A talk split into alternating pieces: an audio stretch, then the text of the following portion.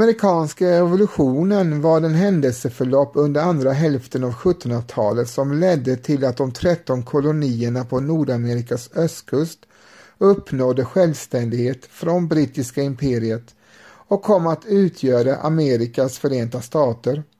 Under denna period enades kolonierna mot det brittiska styret och gick in i en väpnad konflikt som kallas amerikanska frihetskriget mellan 1775 och 1783. Detta kulminerade i en amerikansk självständighetsförklaring 1776 och seger på slagfältet cirka 1781. Den amerikanska revolutionen innebar ett stort antal intellektuella och sociala förändringar såsom den nya republikanska ideal som fick fäste hos den amerikanska befolkningen. I vissa kolonier utbröt hetska politiska debatter om demokratins roll i statens styrelse.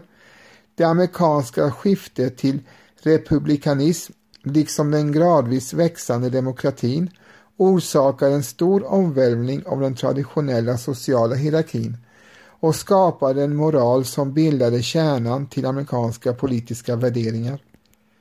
Den revolutionära eran började 1761 då det militära hotet mot de engelska kolonierna från Frankrike tog slut. Storbritannien ansåg att kolonierna skulle betala en ansenlig del av kostnaderna landen haft för att försvara dem och införde ett antal hos amerikanerna impopulära skatter. Då kolonierna saknade representation i det styrande brittiska parlamentet ansåg många amerikaner att lagarna var illegitima. Efter protester i Boston skickade britterna militära styrkor varpå amerikanerna mobiliserade sin milis och strider bröt ut 1775.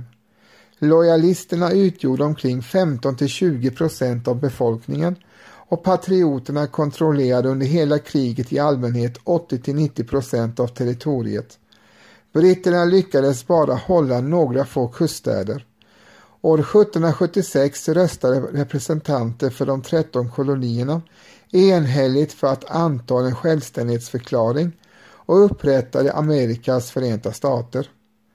Amerikanerna bildade 1778 en allians med Frankrike som utjämnade de militära styrkeförhållandena. Frankrike spelade en betydande roll i revolutionen genom att tillhandahålla pengar och militär utrustning åt de amerikanska patrioterna samt organisera en koalition mot Storbritannien. Amerikanerna var dock kraftigt influerade av upplysningsfilosoferna och såg inte det franska statsskicket absolut monarki som någon förebild. Två större brittiska arméer tillfångatogs i slagen vid Saratoga 1777 och Yorktown 1781.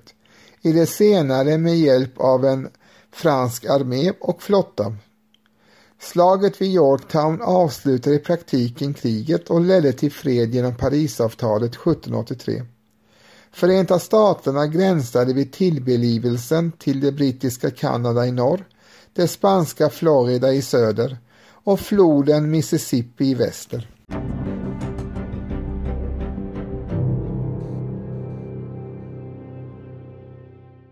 Vid 1763 innehade Storbritannien omfattande besittningar i Nordamerika. Förutom de 13 kolonierna styrdes 22 mindre kolonier direkt av kungliga guvernörer. Segern i sjuårskriget hade givit Storbritannien nya Frankrike, spanska Florida och ursprungsbefolkningens landområden öst om floden Mississippi. Nya Frankrike innefattade Kanada. År 1765 ansåg sig kolonisterna fortfarande som lojala undersåtar till den brittiska kronan med samma historiska rättigheter och skyldigheter som undersåtar i Storbritannien. Den brittiska regeringen beslöt att beskatta sina amerikanska besittningar i första hand för att bidra till att betala för dess försvar av Nordamerika mot fransmännen under sjuårskriget. Problemet för många amerikaner var inte att skatterna var höga utan att kolonierna inte konsulterades om de nya skatterna då de inte hade representation i parlamentet. Frasen No taxation without representation Ingen beskattning utan representation blev populär i många amerikanska kretsar. London hävdade att amerikanerna representerades virtually, men de flesta amerikaner förkastade teorin om att deras eh, behov styrdes av folk som inte visste något om dem. I teorin reglerade Storbritannien redan koloniernas ekonomier genom navigationsakterna enligt merkantilismens läror som sade att vad som helst som gynnade imperiet och som missgynnade andra imperier var bra politik. Man hade länge tolererat att dessa lagar i stor utsträckning inte åtlyddes. Nu blev det praxis att tillämpa lagarna strikt genom icke tidsbegränsade husrannsakningsorder. År 1761 hävdade James Otis, en advokat från Massachusetts, att dessa föreskrifter bröt mot kolonisternas konstitutionella rättigheter. Han förlorade målet, men John Adams skrev senare den amerikanska självständigheten föddes då och där. År 1762 drev Patrick Henry Virginias sak i ett fall där leguisalajuten i Virginia hade antagit en lag och kungen lade in sitt veto mot den. Henry hävdade att, citat, att en kung genom att förbjuda akter av denna välgörande natur från att vara sin folks fader urartar till en tyrann och förlorar all rätt till sina undersåtars lydnad. Slutcitat.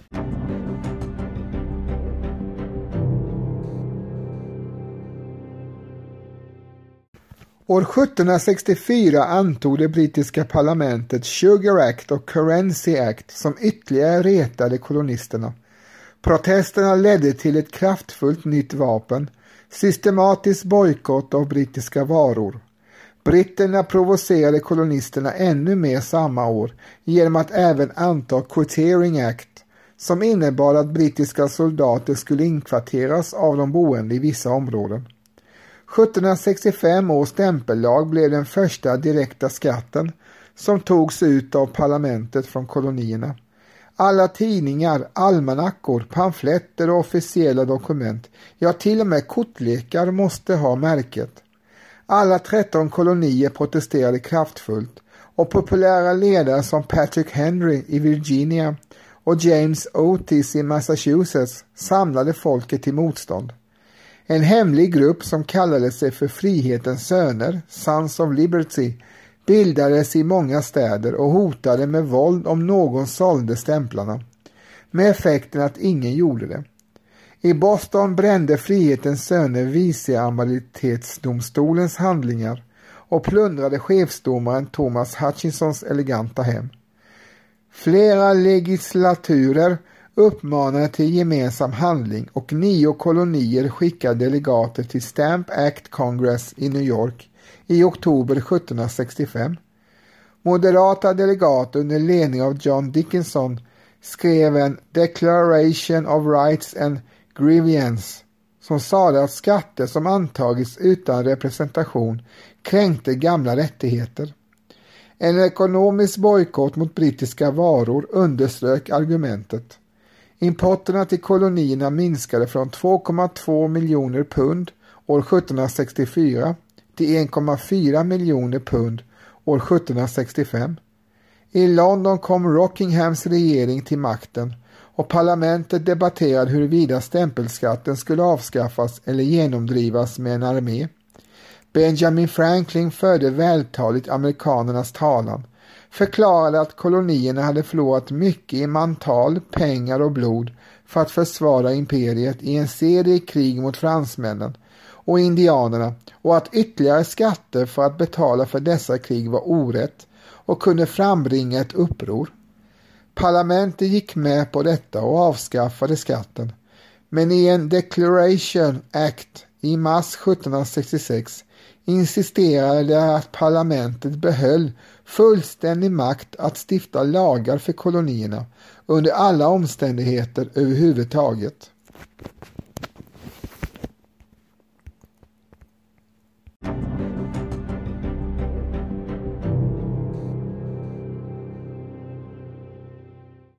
I Boston den 5 mars 1770 samlades en stor folkmassa runt en grupp brittiska soldater. Folkmassan blev mer och mer hotfull och kastade snöbollar och avfall mot soldaterna. I förvirringen sköt alla utom en soldat in i folkmassan. Elva personer blev träffade och fem av dem dog av sina skador. Händelsen kom att kallas för Bostonmassakern. Överdrivna och vitt spridda beskrivningar av massakern började vända känslorna i kolonierna mot britterna. Händelserna påbörjade också en nedåtgående spiral i förhållandet mellan Storbritannien och kolonierna, särskilt Massachusetts. År 1767 hade den brittiska regeringen antagit Townsend Acts som pålade en skatt på en antal väsentliga varor inklusive papper, glas och te. Kolonister som färgades av skattehöjningen organiserade en bojkott mot brittiska varor. Den 16 december 1773 gick en grupp män ledda av Samuel Adams förklädda till mohawker ombord på brittiska tehandlares skepp och dumpade te till ett värde av uppskattningsvis 18 000 pund i hamnen. Denna händelse blev känd som tebjudningen i Boston och är fortfarande en betydelsefull del av USAs patriotiska tradition trots det faktum att orsaken var en sänkning av avgiften från en shilling till tre pence och inte en höjning. Den brittiska regeringen svarade genom att anta flera akter som kom att bli kända som Intolerable Acts och bland annat ingrep stängningen av Bostons hamn tills kolonin identifierade de tehandlare vilkas varor hade blivit förstörda. Dessa åtgärder vände stämningen i kolonierna ytterligare mot britterna.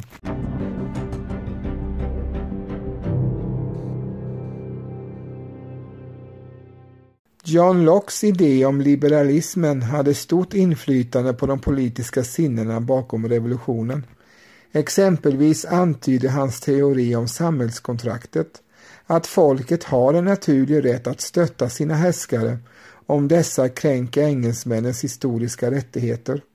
Historikerna har hittat få spår av inflytande från Jean-Jacques Rousseau i Amerika. Vad gäller delstaternas och federationens grundlagar använde amerikanerna Montesquieus analys av den idealistiskt balanserade brittiska konstitutionen. En motiverande styrka bakom revolutionen var amerikanernas anammande av en politisk ideologi kallad republikanism som var dominerande i kolonierna vid år 1775. Landspartiet, Country Party, i Storbritannien vars kritik mot den brittiska regeringen betonade att korruption skulle fruktas, influerade amerikanska politiker. Kolonialisterna förknippade hovet med lyx och ärvd aristokrati, vilket amerikanerna i ökande utsträckning fördömde. Korruption var det största möjliga onda och den medborgerliga dygden krävde att man satte sin medborgerliga plikt framför sina personliga begär. Män hade en medborgerlig plikt att kämpa för sitt land. För kvinnor blev idealet republikansk moderskap som exemplifierades av Abigail Adams och Mercy Otis Warren. Den republikanska kvinnans främsta plikt var att implantera republikanska värden i sina barn och att undvika lyx och uppvisning. Grundlagsfäderna var starka förespråkare för republikanismen, särskilt Samuel Adams, Patrick Henry, Thomas Paine, Benjamin Franklin, George Washington, Thomas Jefferson och John Adams. Den kungliga proklamationen från 1763 begränsade amerikanernas rörelse över Appalacherna Trots detta fortsatte grupper av kolonister att flytta västerut. Proklamationen modifierades snart och var inte längre ett hinder mot kolonisering. Men den promulgerades och det faktum att den hade skrivits utan att amerikanerna blivit konsulterade färgade kolonisterna. Quebec-akten från 1774 utvidgade Quebecs gränser till Ohiofloden och stängde ute de 13 koloniernas anspråk.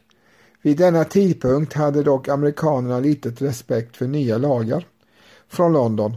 De tränade nämligen sina miliser och organiserade sig för krig.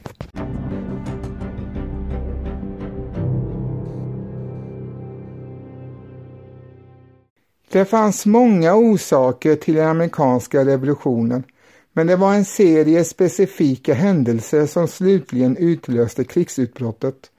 I juni 1772 brände amerikanska patrioter ett brittiskt tullfartyg, skonaren HMS Gaspee, som används för att genomdriva impopulära handelsrestriktioner. Kort därefter rapporterade guvernör Thomas Hutchinson av Massachusetts att han och de kungliga domarna skulle avlönas direkt från London och därmed förbigå den koloniala legislaturen. I slutet av 1772 började Samuel Adams bilda nya korrespondenskommittéer, Committees of Correspondence, som skulle sammanlänka patrioter i alla 13 kolonier och efterhand utgöra ramverket till en rebellregering. I början av 1773 upprättade Virginia, den största av kolonin, sin korrespondenskommitté där Patrick Henry och Thomas Jefferson ingick. Intolerable Acts, som de benämndes av kolonisterna, bestod av fyra lagar som stiftades av det brittiska parlamentet. Den första var Massachusetts Government Act som förändrade Massachusetts statuter och införde restriktioner för ortsmöten. Den andra lagen, Administration of Justice Act, bestämde att alla brittiska soldater som skulle ställas inför rätta skulle bli åtalade i Storbritannien, inte i kolonierna. Den tredje lagen var Boston Port Act som stängde Bostons hamn tills britterna hade blivit kompenserade för allt det te som förlorats vid tebjudningen i Boston. Britterna fick aldrig någon sådan betalning. Den fjärde lagen, Quatering Act 1774 tillät guvernörer att husera brittiska trupper i obebyggda byggnader. Den första kontinentala kongressen gav sitt stöd till Suffolk Resolves som förklarade att Intolerable Acts var oförenliga med konstitutionen, uppmanade folket att bilda miliser och Massachusetts att bilda en patriotisk regering.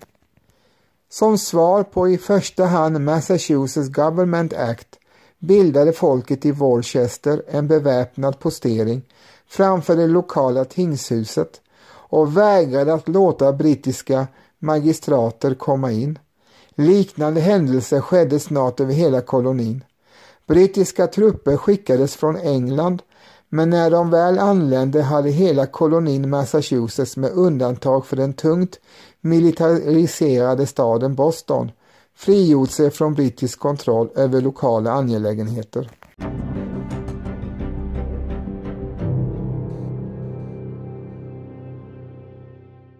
Slaget vid Lexington och Concord utkämpades den 19 april 1775 då britterna skickade ett regemente för att konfiskera vapen och arrestera revolutionärer i Concord.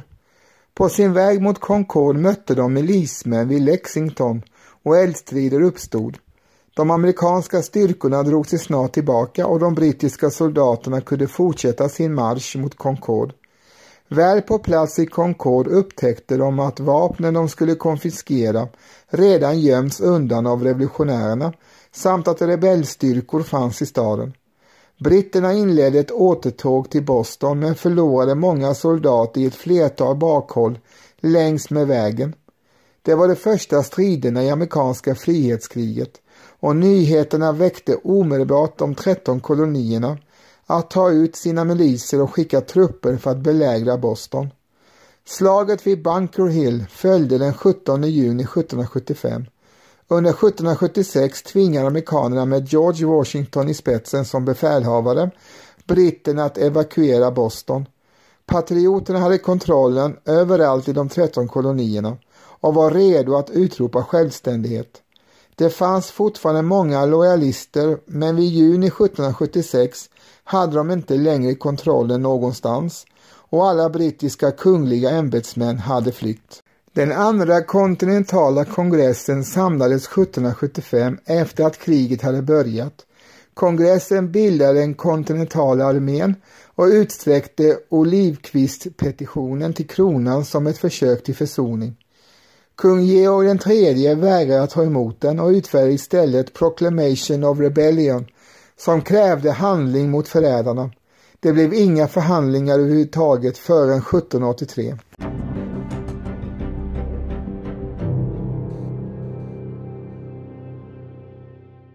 Revolutionärerna kallades vid tiden för patrioter, whigs, congressmen eller kort och gott amerikaner.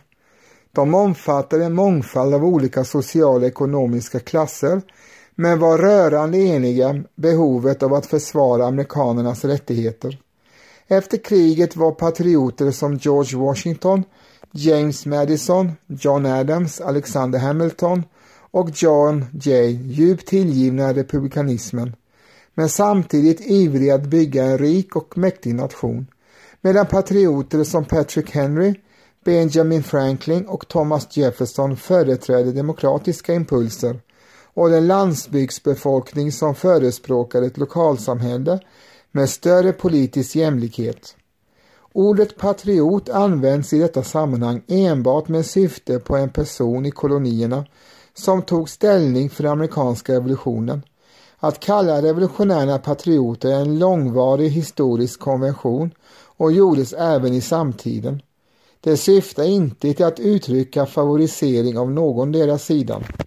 Det går inte att veta de faktiska siffrorna men historiker uppskattar att mellan 15 och 25 procent av kolonisterna förblev lojala mot den brittiska kronan.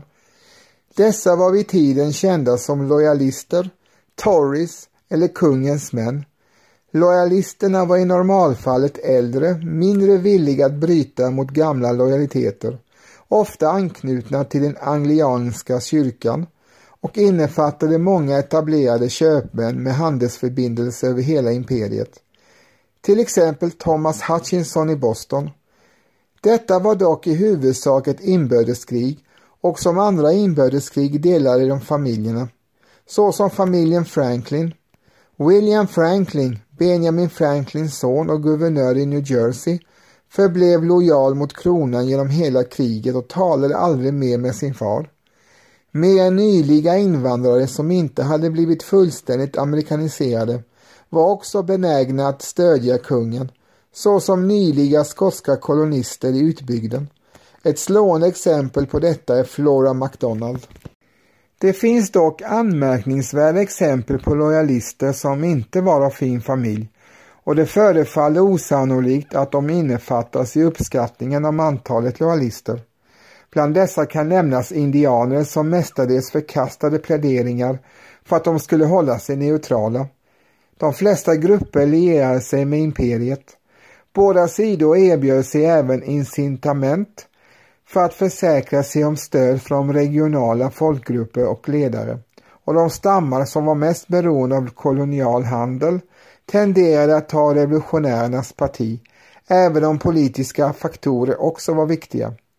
Den mest framträdande indianledaren som tog parti för lojalisterna var Joseph Brown från Mohawkerna som ledde gränsräder mot isolerade samhällen i Pennsylvania och New York tills en amerikansk armé ledd av John Sullivan säkrade i New York 1779 och tvingade alla lojalistiska indianer permanent till Kanada.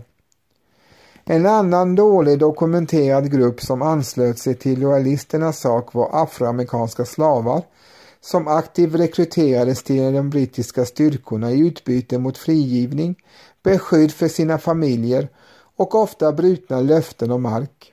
Efter kriget bosatte sig många av dessa afroamerikanska slavar i Nova Scotia, övre och nedre Kanada samt andra delar av brittiska imperiet. En mindre av osäker storlek försökte sig förhålla sig neutrala i kriget. De flesta höll en låg profil. Kväkarna, särskilt i Pennsylvania, var den viktigaste gruppen som var uttalat för neutraliteten. När patrioterna utropade självständighet blev kväkarna anklagade för att vara anhängare till britterna och kritiska mot revolutionen. Efter kriget stannade det stora flertalet lojalister kvar i USA och återgick till normala liv. Vissa, som Samuel Shrewsbury, blev framträdande amerikanska ledare. 100 000 till 250 000 av lojalisterna emigrerade till Kanada, Storbritannien eller Västindien. Dessa utgjorde ungefär 5 procent av koloniernas totala befolkning. När lojalisterna lämnade södern 1783 tog de med sig omkring 75 000 av sina slavar till brittiska Västindien, där deras ättlingar blev fria 26 år före sina motsvarigheter i USA. Historiker som John Franklin Jameson i början av 1900-talet analyserade patrioternas klasstillhörighet för att leta efter bevis för att det fanns en klasskonflikt inom revolutionen. Under de senaste 50 åren har historikerna till stor del övergivit den tolkningen och istället betonat den höga nivån av ideologisk enighet. Precis som det fanns rika och fattiga lojalister var patrioterna en blandad skara och vilka de rikare och mer välutbildade i större utsträckning blev officerare i armén. De ideologiska kraven kom alltid först. Patrioterna såg självständighet som ett sätt att frigöra sig från brittisk förtryck och beskattning och framför allt hävda vad de ansåg var deras rättigheter. De flesta självägande bönder, hantverkare och småhandlare anslöt sig också till patrioterna och krävde större politisk jämlikhet. De var särskilt framgångsrika i Pennsylvania och mindre i New England, där John Adams attackerade Thomas Paines common sense för de absurda demokratiska uppfattningar som den föreslog. Alla sorters kvinnor bidrog till den amerikanska revolutionen på många olika sätt. Liksom männen deltog kvinnorna på båda sidor i kriget. Bland kvinnorna var angloamerikaner, afroamerikaner och indianer också delade mellan patrioter och lojalister. Den formella revolutionära politiken inkluderade inte kvinnor, men vanliga beteenden i hemmet blev laddade med politisk betydelse eftersom kvinnorna mötte ett krig som genomsyrade alla aspekter av politiken och hemlivet. Patriotiska kvinnor deltog genom att bojkotta brittiska varor, spionera på britterna, följa efter arméer när de marscherade, tvätta och laga mat åt och sköta om soldater, leverera hemliga meddelanden samt strida förklädda till män.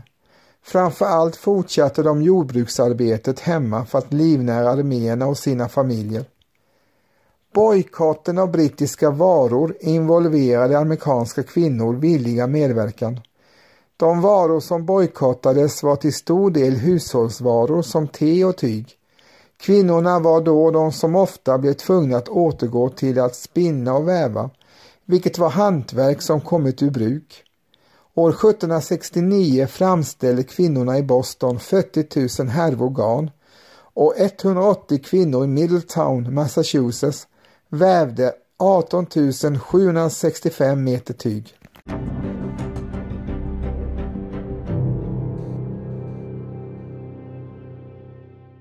Under 1776 fick patrioterna kontroll över hela territoriet och dess befolkning medan royalisterna var maktlösa.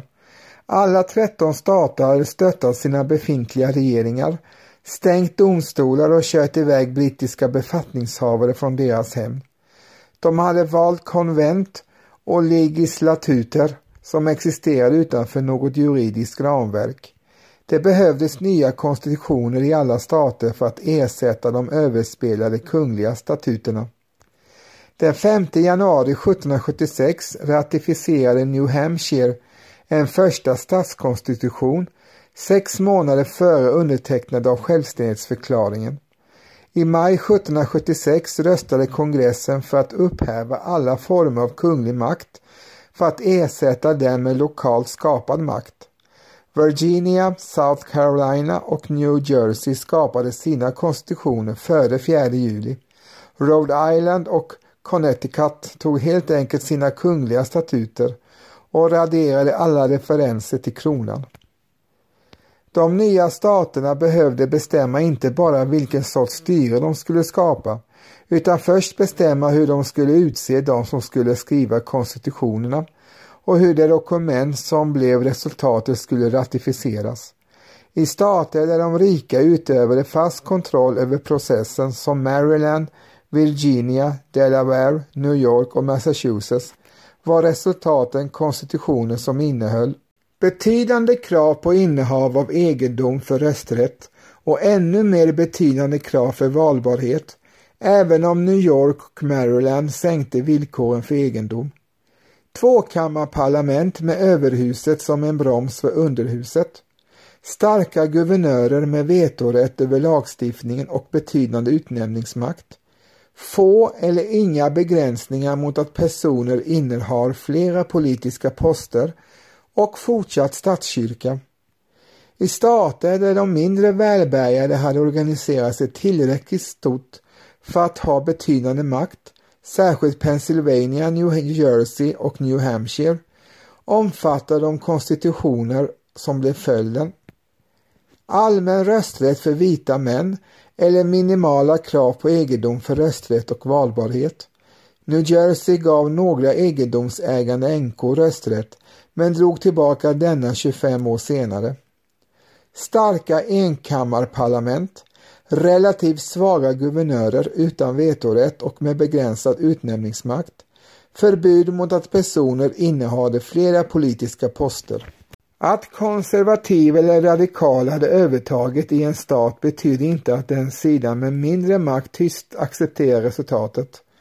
De radikala inslagen i Pennsylvanias konstitution varade bara i 14 år. År 1790 fick konservativa makt i statens legislatur, inkallade ett nytt författningskonvent och skrev om konstitutionen. Den nya konstitutionen begränsade den allmänna rösträtten för vita män kraftigt, gav guvernören vetorätt och utnämningsmakt och lade till ett överhus med betydande egendomsvillkor. Thomas Paine kallade denna konstitution ovärdig Amerika.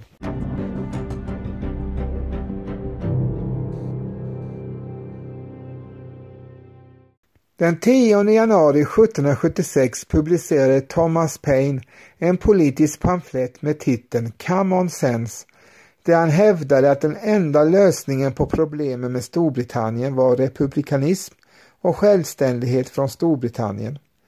Den 2 juli 1776 ratificerade Andra kontinentalkongressen självständighetsförklaringen. Den undertecknades två dagar senare, vilket är det datum som nu firas som USAs självständighetsdag. Tekniskt skedde undertecknandet under de följande månaderna eftersom många ledamöter inte var tillgängliga med en gång. Men den 4 juli är det datum då de flesta delegaterna undertecknade den. Kriget började i april 1775 medan deklarationen utfärdades i juli 1776. Fram till denna tidpunkt hade kolonierna sökt gynnsamma fredsvillkor. Nu efterfrågade alla stater självständighet. Konfederationsartiklarna utgjorde det första styrande dokumentet för USA. Kolonierna sammanfördes i en löslig konfederation av suveräna stater. Den andra kontinentala kongressen antog artiklarna i november 1777 men de ratificerades inte formellt förrän tre år senare.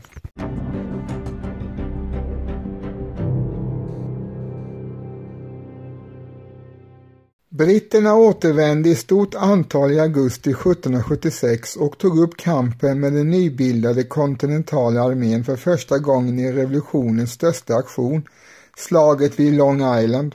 Slaget vid Long Island, även känt som slaget vid Brooklyn eller slaget vid Brooklyn Heights, ägde rum den 27 augusti 1776. Det blev ett nederlag för kontinentalarmén under befäl av general George Washington och början på ett framgångsrikt fälttåg som gav britterna kontrollen över den strategiskt viktiga staden New York. Under det amerikanska frihetskriget var detta det första stora slaget som skedde efter att USA förklarade sig som en självständig stat den 4 juli 1776. I fråga om truppstorlek var det den största striden under hela kriget. Efter att ha besegrat britterna under belägringen av Boston den 17 mars 1776 beordrade överbefälhavaren George Washington att kontinentalarmén skulle försvara hamnstaden New York som på den tiden bestod av den södra änden av Manhattan Island. Washington förstod att stadens hamn skulle fungera som en utmärkt bas för den brittiska flottan under hela fälttåget. Där organiserade han försvaret och väntade på att britterna skulle anfalla. I juli landsteg britterna under befäl av general William Howe några kilometer förbi hamnen från Manhattan på det glest befolkade staten Island där de under loppet av en och en halv månad långsamt förstärktes av fartyg i Lower New York Bay och gav dem det totala antalet soldater på 32 000 man. Med den brittiska flottans kontroll över hamninloppet vid The Narrows förstod Washington om svårigheten att hålla staden. Med övertygelsen att Manhattan skulle vara det första målet flyttade han dit huvuddelen av sina trupper. Den 22 augusti landsteg britterna på Graves End Bay stränder sydväst om King County förbi The Narrows från staten Island mer än 19 kilometer söder från East Rivers korsningar till Manhattan. Efter fem dagars väntan anföll britterna det amerikanska försvaret på Gown Heights. Howe förde sin huvudarmé runt amerikanernas rygg och anföll därefter deras flank. Amerikanerna fick panik vilket resulterade i att två femtedelar av dem dödades eller tillfångatogs trots att ett stånd från 400 soldater från Maryland förhindrade den större delen av armén från att tillfångatas. Resten av armén drog sig tillbaka till deras viktigaste ställningar på Brooklyn Heights. Britterna förberedde sig för en belägring, men på natten den 30 augusti evakuerade Washington hela sin armé till Manhattan, helt utan förlusten av förnödenheter eller människoliv. Efter ett flertal andra nederlag drevs Washington och kontinentalarmén ut ur New York fullständigt och tvingades retirera genom New Jersey och in till Pennsylvania. Britterna gjorde staden New York till sin huvudsakliga politiska och militära bas och höll den till 1783. De höll också New Jersey men Washington korsade Delawarefloden till New Jersey i en överraskningsattack och besegrade brittiska arméer i slaget vid Trenton och slaget vid Princeton. Slaget vid Trenton ägde rum på morgonen den 26 december 1776 under det amerikanska frihetskriget efter att general George Washington korsade Delawarefloden norr om Trenton i New Jersey. Den farofyllda korsningen i hårt väder gjorde det möjligt för Washington att leda huvuddelen av kontinentalarmén mot den hessiska garnisonen i Trenton. Efter en kort strid blev nästan hela den hessiska styrkan tillfångatagen med försumbara förste för amerikanerna. Striden ökade kontinentalarméns svaga moral och inspirerade fler amerikaner att ta värvning. Eftersom floden var isig och vädret var hårt blev korsningen mycket farlig. Två avdelningar kunde inte korsa floden, vilket innebar att endast 2400 man var under Wellingtons befäl under anfallet. Armén marscherade 14 kilometer söderut till Trenton. De hessiska soldaterna hade sänkt sin bevakning då de trodde att de var säkra från den amerikanska armén och hade inga långdistansutposter eller patruller. Washingtons styrkor överrumplade dem och efter en kort med våldsamt motstånd kapitulerade de flesta av de hessiska soldaterna. Nästan två tredjedelar av den 1500 man starka garnisonen tillfångatogs och endast ett fåtal soldater flydde över Assunpink Creek. Trots stridens ringa siffror inspirerade den amerikanska segern ett flertal rebeller i kolonierna. Då framgången av revolutionen tvivlades en vecka tidigare verkade armén vara på gränsen till kollaps. Den dramatiska segern inspirerade soldaterna att stanna i armén och lockade nya rekryter till att fylla leden. Slaget vid Princeton var ett fältslag där general George Washingtons kontinentalarmé besegrade en brittisk styrka den 3 januari 1777 i närheten av Princeton i New Jersey. På natten den 2 januari 1777 slog George Washington tillbaka ett brittiskt anfall i slaget vid Assunpink Creek i Trenton. Under natten evakuerade han sin position, inringade general Cornwallis armé och gick till anfall mot den brittiska garnisonen vid Princeton. Brigadgeneral Hugh Mercer från kontinentalarmén drabbade samman med två regementen under befäl av överstelöjtnant Charles Mahood av den brittiska armén. Mercer och hans trupper övermannas och Washington skickade några milistrupper under brigadgeneral John Cadwalder för att hjälpa honom. Milisen, som fick syn på Mercers truppers flykt, började också att fly från britterna. Washington red upp med förstärkningar och samlade de flyende milisen. Han ledde sedan anfallet mot Mahuds trupper och drev dem tillbaka. Mahood gav order om att retirera och de flesta av soldaterna försökte fly till Cornwallis i Trenton. I Princeton uppmuntrade brigadgeneral John Sullivan några brittiska soldater som hade tagit sin tillflykt till Nassau Hall att kapitulera, vilket avslutade striden. Efter slaget flyttade Washington sin armé till Morristown. Med sitt tredje nederlag på tio dagar evakuerade britterna södra New Jersey. Med segern vid Princeton ökade de amerikanska soldaternas moral och fler amerikaner började ta värvning i armén. Striden, som anses som oviktig av britterna, var den sista stora striden under Washingtons vinterfälttåg i New Jersey.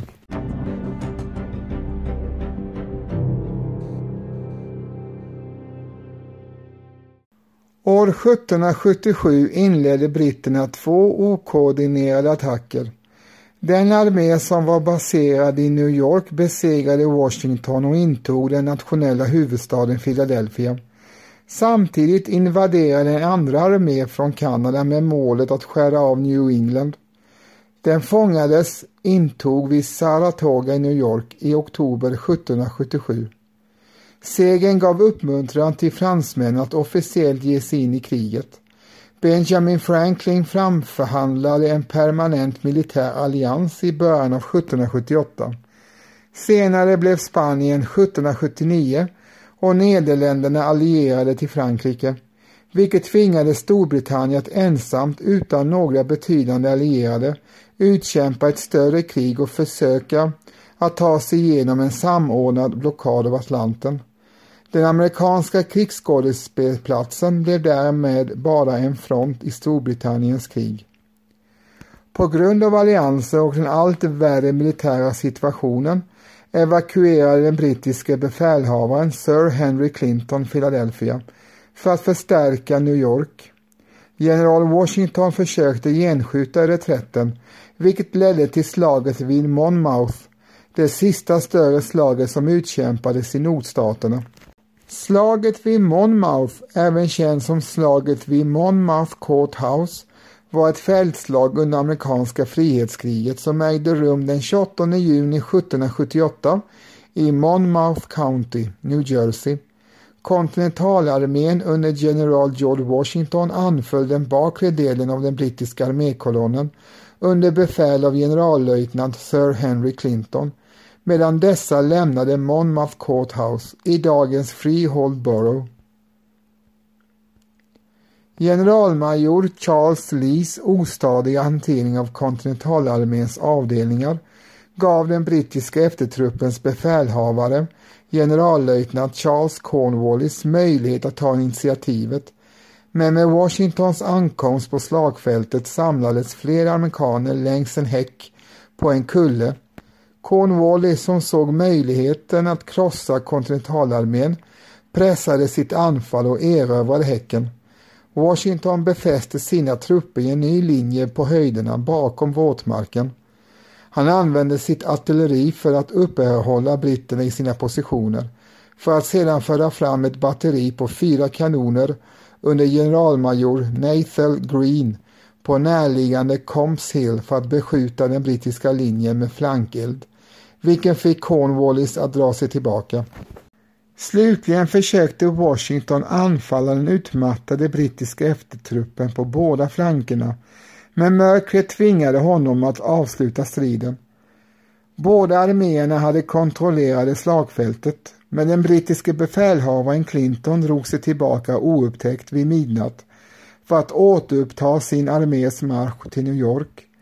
Medan Cornwallis beskyddade den brittiska huvudkolonnen från ytterligare amerikanska anfall hade Washington kämpat mot sina motståndare till ett stillestånd efter en långvarig strid, vilket var första gången som Washingtons armé hade uppnått ett sådant resultat.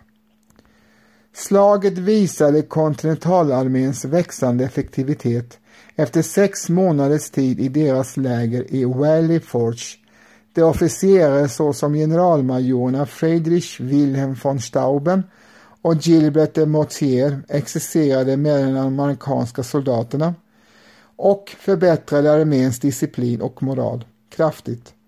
Slaget förbättrade Washingtons, Lafayettes och Anthony Waynes militära rykten men som avslutade Charles Lees karriär som skulle möta krigsrätt i English Town för sina misslyckanden den dagen. Enligt vissa berättelser gav en amerikansk soldatfru, Mary Hayes, vatten till de törstiga soldater under junis hetta och blev en av flera kvinnor som förknippades med legenden om Molly Pitcher. Efter en sammandrabbling som inte ledde till något avgörande gjorde britterna framgångsrikt reträtt till New York. Kriget i norr blev därefter ett stillestånd då uppmärksamheten vändes mot den södra krigsskådeplatsen.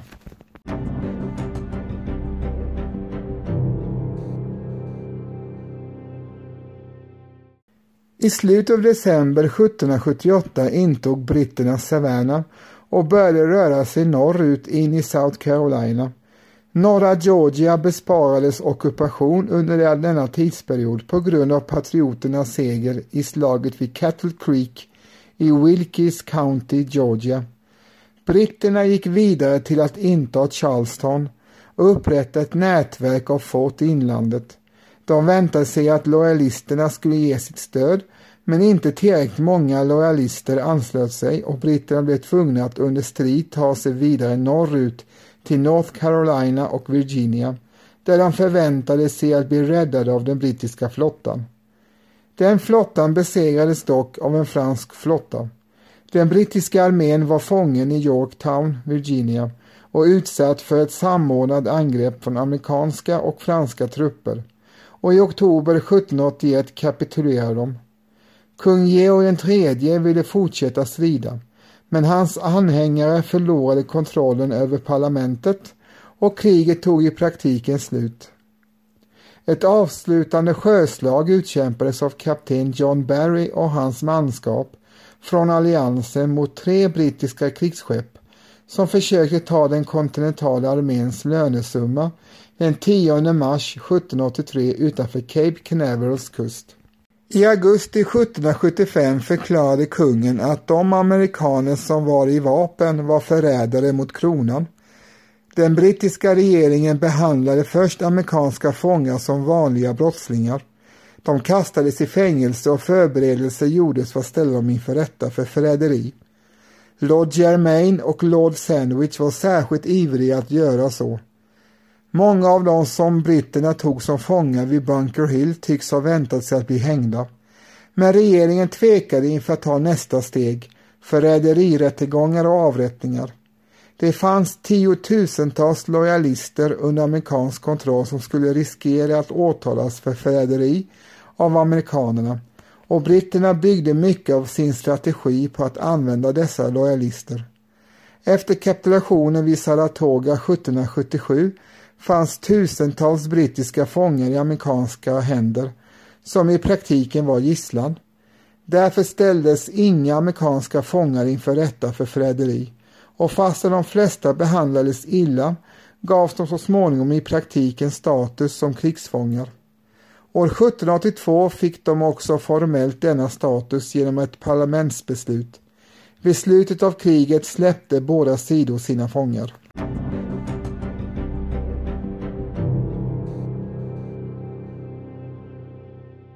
Fredsfördraget med Storbritannien, det så kallade Parisavtalet, gav USA allt land öst om Mississippifloden och söder om de stora sjöarna förutom Florida. Den 3 september 1783 ingick Storbritannien ett separat avtal med Spanien som innebar att britterna lämnade tillbaka Florida till Spanien. De ursprungsfolk som bodde i detta område var inte en part i avtalet och erkände det inte förrän de besegrades militärt av USA. Skiljaktigheter rörande gränser och skulder blev inte lösta förrän efter J-fördraget 1795.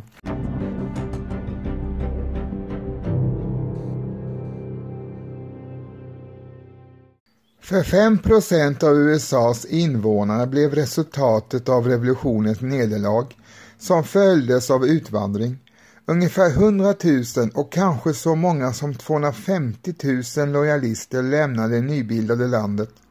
De flesta flyttade till de kvarvarande brittiska kolonierna i Nordamerika såsom Quebec, Prince Edward Island och Nova Scotia i Kanada. De nya kolonierna Övre Kanada, som är nuvarande Ontario, och New Brunswick skapades av Storbritannien för deras skull. Efter revolutionen blev det möjligt att bedriva en genuint demokratisk politik trots motstånd och ogillan från federalistpartiet. I staternas nya författningar skrev man in rättigheter för folket och frihet, individens rättigheter, jämlikhet och fientlighet mot korruption kom därmed att få stöd av grundlagen och kom att bli centrala värden för invånarna i USA. Man utmanade den gamla ordningen i Europa genom att ifrågasätta ärvd politisk makt och genom den demokratiska idén att styret vilar på de styrades medgivande. Exempel på den första framgångsrika revolutionen mot ett europeiskt imperium gav en modell för många andra koloniala folk som insåg att de också kunde bryta sig loss och bli självstyrande nationer. Sverige blev den andra staten att erkänna USA som självständig stat efter Frankrike som var ju direkt inblandad i amerikanska revolutionskriget. 1783 skrev USAs ambassadör i Paris, Benjamin Franklin, och Sveriges ambassadör greve Gustav Philip Kreutz på ett svensk-amerikansk vänskap och handelstraktat. Utöver detta hade flera svenska officerare deltagit i kriget såsom greve Kurt von Stendick och greve Axel von Fersen den yngre. Den senare var adjutant till den franske generalen Rochenbau och von Fersen agerade tolk mellan denne och general Washington. Den amerikanska revolutionen var den första vågen i en serie revolutioner och följdes av franska revolutionen, haitiska revolutionen och latinamerikanska befrielsekrigen. De revolutionära stämningarna påverkade även Irland, polsk-litauiska samväldet och Nederländerna. Revolutionen hade en stark och omedelbar verkan i Storbritannien, Irland, Nederländerna och Frankrike. Många brittiska och irländska Whigs uttalade sitt stöd för amerikanernas sak. Revolutionen var för många europeer den första lektionen i att stötta en gammal regim, förutom den nederländska revolten i slutet av 1500-talet och Storbritannien som hade haft ett inbördeskrig bara drygt hundra år tidigare, som senare var aktiva under den franska revolutionens tidsålder, såsom markisen av Lafayette. Den amerikanska självständighetsförklaringen hade ett visst inflytande på den franska deklarationen om människornas och medborgarnas rättigheter från 1789. Ingenstans hade den amerikanska revolutionen ett mer djupgående inflytande än i Latinamerika. Självständighetskampen där formades av nordamerikanska skrifter och av den förebild som utgjordes av kolonier som faktiskt bröt sig loss och blomstrade. Historiker har identifierat många förbindelser med USAs modell i Latinamerika. De nordamerikanska staternas nyfunna självständighet från det brittiska imperiet tillät att slaveriet fortsatte i USA fram till 1865, långt efter det att det förbjöds i alla brittiska kolonier. Det kostade också indianerna dyrt. De hade fått beskydd under det brittiska styret men i det nybildade USA revs deras fördrag upp deras rättigheter drogs in och slutligen togs deras land ifrån dem. Det finns varierande tolkningar om revolutionens effekt. Vid en ände av spektrumet finns den äldre synen att den amerikanska revolutionen inte alls var så revolutionär, att den inte omformade det koloniala samhället radikalt utan bara bytte ut ett avlägset styre mot ett lokalt.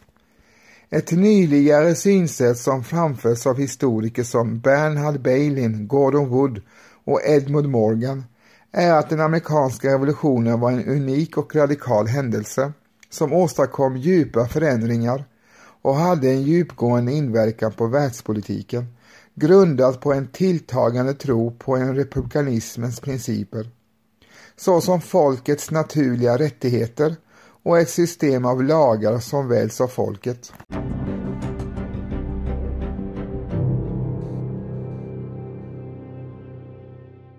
Statsskulden efter den amerikanska revolutionen sönderföll i tre kategorier. Den första var de 11 miljoner dollar som USA var skyldigt utlänningar, mestadels skulder till Frankrike. De andra och tredje, ungefär 24 miljoner vardera, var skulder som USAs regering och delstaternas regeringar var skyldiga medborgare som hade sålt mat, hästar och utrustning till de revolutionära styrkorna. Kongressen enades om att den nya regeringens makt och auktoritet skulle betala för utlandsskulderna.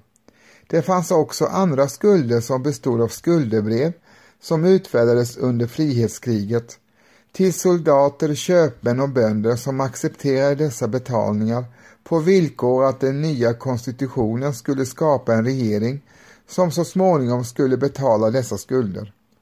De enskilda staternas utgifter för kriget uppgick till 114 miljoner dollar jämfört med centralregeringens 37 miljoner. År 1790 slog kongressen ihop staternas skulder med utlandsskulden och den inhemska skulden till en statsskuld som uppgick till 80 miljoner dollar. Alla mottog det nominella värdet för certifikat från krigstiden så att den nationella äran skulle upprätthållas och nationell kredit upprättas. Ni har precis hört mig, Nicke Grozanowski, berätta om hur det gick till när 13 kolonier i Nordamerikas östkust bröt sig loss från det brittiska imperiet och bildade slutligen Amerikas förenta stater nämligen USA. Ni har fått höra om orsaken till revolutionen och ni har fått höra det politiska skeendet och händelserna som har politiska aspekter. Och ni har också fått höra om det koloniala kriget mot det brittiska imperiets styrkor som slutligen ledde till revolutionens seger. Och ni har fått höra också om första tiden om vad revolutionen har betytt för Nordamerika, för brittiska imperiet och för ursprungsbefolkningen och för de afroamerikanska invånarna i USA. Jag hoppas ni uppskattar denna spännande historia. I avsnittets början fick ni höra Carl Michael Bellman och Fjäril Vinga syns på Haga, även kallad för Fredmans sång nummer 64. Och som avslutning på avsnittet får ni höra gruppen Gotthard framföra Par Deus. Min podd utkommer två gånger i veckan onsdagar och lördagar med bonusavsnitt lite då och då, så håll utkik. Och med detta vill jag tacka dig som har lyssnat på avsnittet och eh, hälsa dig hjärtligt välkommen i framtiden och även att lyssna på mina tidigare avsnitt. Tack för att ni lyssnade. Ha det gott. På återhörande. Hej hej!